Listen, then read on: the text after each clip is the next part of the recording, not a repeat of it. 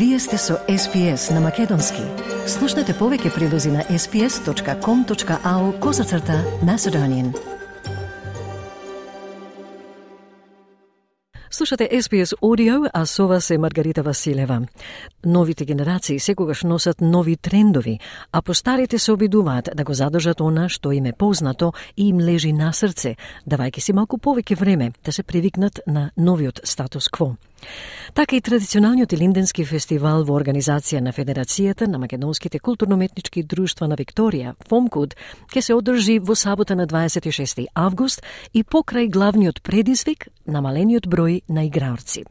Фестивалот кој заземал главна улога во животот на друштвата во последните три децени, овој викенд повторно ќе вдахне живот во носиите и опинците, со енергијата на младите македонци кои засега остануваат верни на орото и песната. Почесниот председател на ФОМ Кут Косте Колевски и самиот меѓу бројните основоположници на повеќе друштва и организации во Мелбурн вели моменталната состојба го загрижува и ФОМ Кут работи на неколку стратегии да ги задржат до секашните бројки кои паднаа жртва на спортот, женскиот фудбал и академските студии. Со Косте Колевски разговаравме за време кое се менува и кое ја доведува во прашање и днината на македонскиот фолклор во Австралија.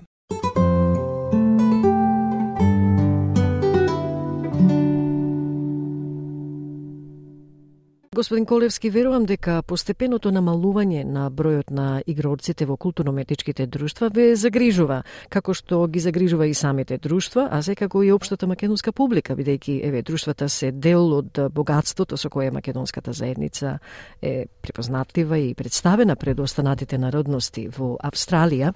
Какви конверзации се водат со друштвата преку ФОМКУД во однос на намалениот број на играорци? Едноставно имаме соработка со сите културно-метнички друштва од Викторија и гледаме дека некој игрона група ако намале, а бегаја децата од една група во друга, прво да се јават кај преседателот дали ова дете ќе го пробаме да го да остане во групата, како што е, да не направиме една група се растура, другата продолжува понатаму. Значи се намалува број во една, а во другата. Немаме комуникација меѓу председателите, да не се прима деца од една група во друга, ако е можно, а па ако родителите инсистира да одат, немој да ги запреш, мора да одат. Другата работа се гледа тука на еден начин да се позираме. Да речем, ако намалува бројчето во една група и во друга, би биде пожелно тие две групи да се соединат. Ако се во иста ерија, во исто место, да не се плаќа трошкови превише и ќе се навлети трошковите. И така да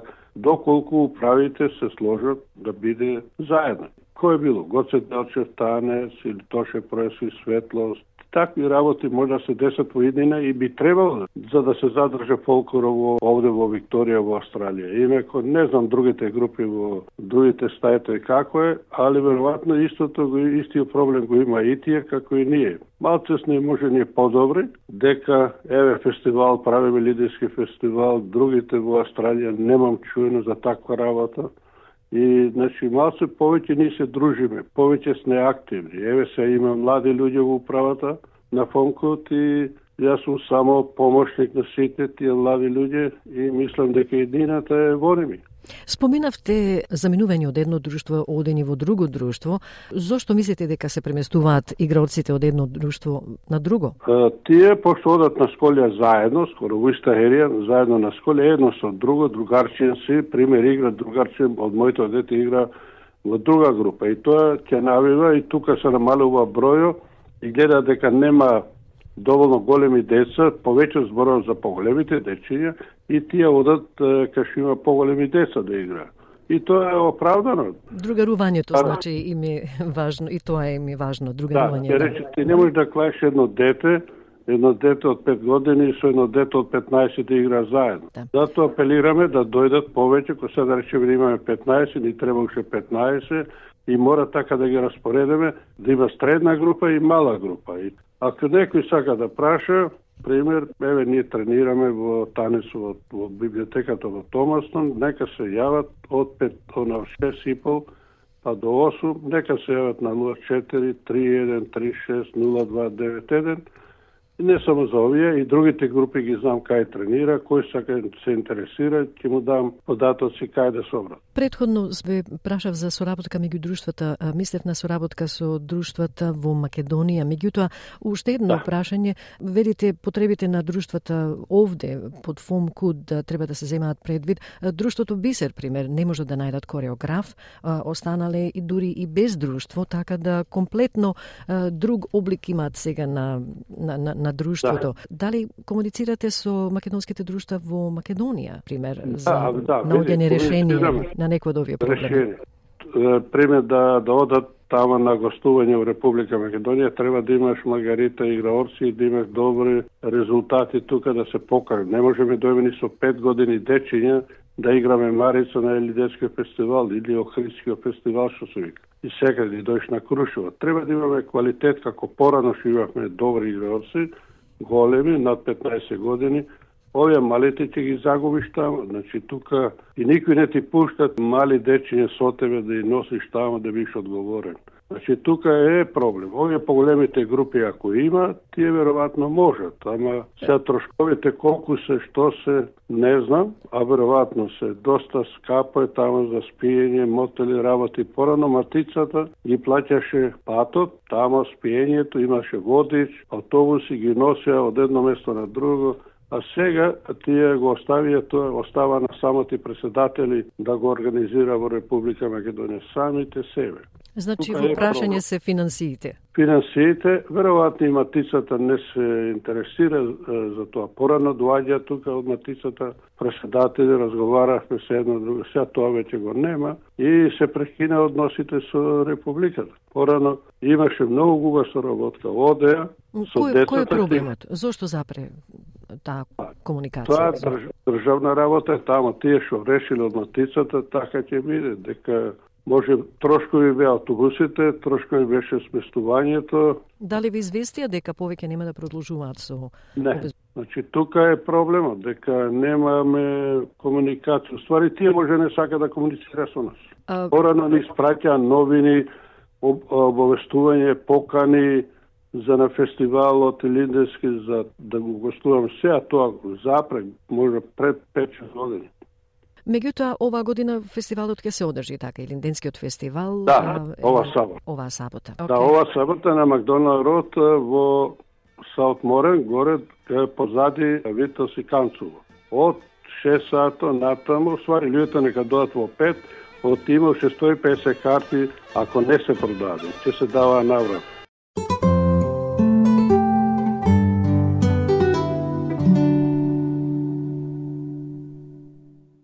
Косте Колевски, како ќе изгледа овогодинешниот Илинденски фестивал во Мелбурн, што еве сега ќе се одржи на 26 август, со оглед на тоа дека некои културно-метнички друштва немаат доволен број играоци за да настапат. Што можеме да очекуваме да видиме на сцената овој пат? Ова е 37-ми фестивал, Илинденски фестивал, што почна од 86-та, па до сега од Пайсли Хајско, сега доаѓа За прв пат се организира во Тиета Сајл салата во Витос и Консулот позади и мислам дека еве да се пријавени седум игровни групи, може да ги наброам. Ќе настапи Александар Македонски од Береби, Нава Моилинди при црквата Светилија, Јане Сандански, Никола Карев и од оваа страна Светлост при црквата Свети Ѓорѓи, другиот Гоце Делчев и Тоше Пројски. Така тие седум групи веројатно ќе настапат во намален број, али пак да видиме што ќе биде.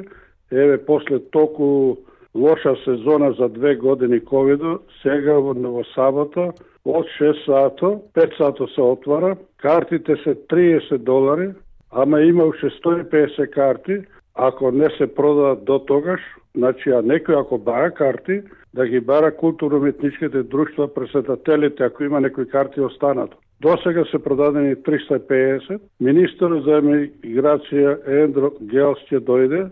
Така се очекува Лили Дамбрузио, министерката за енергетика. Чекаме и CEO од Виталси да дојде. Веројатно, да, и вие сме поканети да направите едно кавариш таму. Мислам дека ќе поминеме убаво, нешто дифре. Овие младите сега ете сака нешто друго да се направи. Значи тиета са, пробаме во салите, во ресторанти, Еве, ланската година беме со јадење, со пиење, еве сега, нема јадење, пиење тама, може ти има нешто рефрешмент напред, да си купе некој сам. Малата сала, играорците, младите ќе има некоја забава од левата страна, не во главната, само за играорците е тоа, не е за другите. Тоа сигурно ќе биде после фестивалот, нели, или пред фестивалот? Е, кој ќе доаѓа децата, да не смета на старите, значи ќе се тргна сите заедно, тие малечки да си играат тамо, забава ќе има за малите. Значи, за прв пат одлучивте да го одржите Илинденскиот играорен фестивал во театарска сала, што е многу погодно да. место за одржување и прикажување на, на фолклорот. Точно. Има уба, уба стајчи има таму, знаете, се правеле драмски секции, таму се одржувало драмите порано, пејачи што доаѓале некогаш, да. кој сака да организира. Е, сега таа сала бере 500 души. И се реко, имав 150 карти останати, што обавестен, ама тие секоја група си ги чува за ними. А секој еден што реко пред малце ги молам, телефоните да и прашаат тие председателите, ако има резерва, да си обезбедат пред време. Оти наврата, Ако останат ќе се дава, ако не останат нема да се дава. Добро, слушаме сега дека ќе влезете во театарска сала за прв пат. Што друго ќе биде изменето од предходните фестивали? Па ќе ви има тука чаком паком ова што е телевизијата на Channel 31. Телевизијата ќе има кавериш, прв пат имам нешто такво. Порано се пееше химната македонска и столиска ствари на лента на таква CD. Сега ќе видите тоа во живо такво нешто има и некои други мали работи што ќе ги видите тамо, нека биде малце изненедување. Прашувам за игрорците, за настапите, дали нешто ќе биде изменето или додадено? Према возраста децата така ќе игра. Јас сум убеден дека така ќе биде, дека која група има поголеми дечиња, ќе направат некој сплет. Кој има мали, ќе си игра Марица, Елено Пајдушко од овие нашите народни ора, што викаме, оригиналните ора, старите ора. А овие поголемките, се разбирате, си направат некој спет. А каков термин за настап им се одредува на сите друштва? Кол, по колку време ќе им се даде термин, настап? Термин ќе му се даде, да речеме, 20 минути по едно оро се дава на, на малите, на две, на големите групи му се дава по големите, ако право след му се дава две ора, е са едно орот и знаеш, беше играорка колку чири, пет минути, 20 минути со слекување се нека биде полсат, не може повеќе да биде од полсат. Помалку. Тоа се 7 групи по 20 минути, не мислите дека е многу? Не е многу, тоа и 30 да му даеме не е проблем. Тоа не може значи... ни да застанеме музика да го ќе свире дека за меса драчевката е колку 12 минути. Тоа значи 2 2 и пол часа концерт. Па така нешто. Ама ти има некој веројатно пејачи, забава, ти има има да Кајла ќе пее од Никола Карефова, знам со обавестен и уште едно име, името не мога знам, мислам две ќе пеат, до сега што знам. Значи, видите, има и забава друга. Нема да бидете десепојте, да дојдете да ги поддржувате вашите внучиња, вашите дечиња. Тоа е многу важно. И општо македонската заедница, младите, се иднината наш. Секако. А концертот значи ќе трае околу 3 часа, а во колку часот ќе ќе започне? Јас сум обавестен, ќе почне во 6 сат. Дали уживате да слушате SPS на Македонски? Да го продолжиме разговорот преку нашата Facebook страница. Кликнете лайк и споделете го вашето мислење.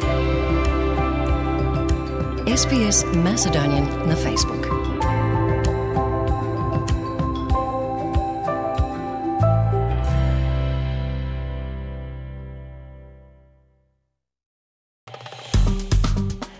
Стиснете, ми се допаѓа, споделете, коментирајте.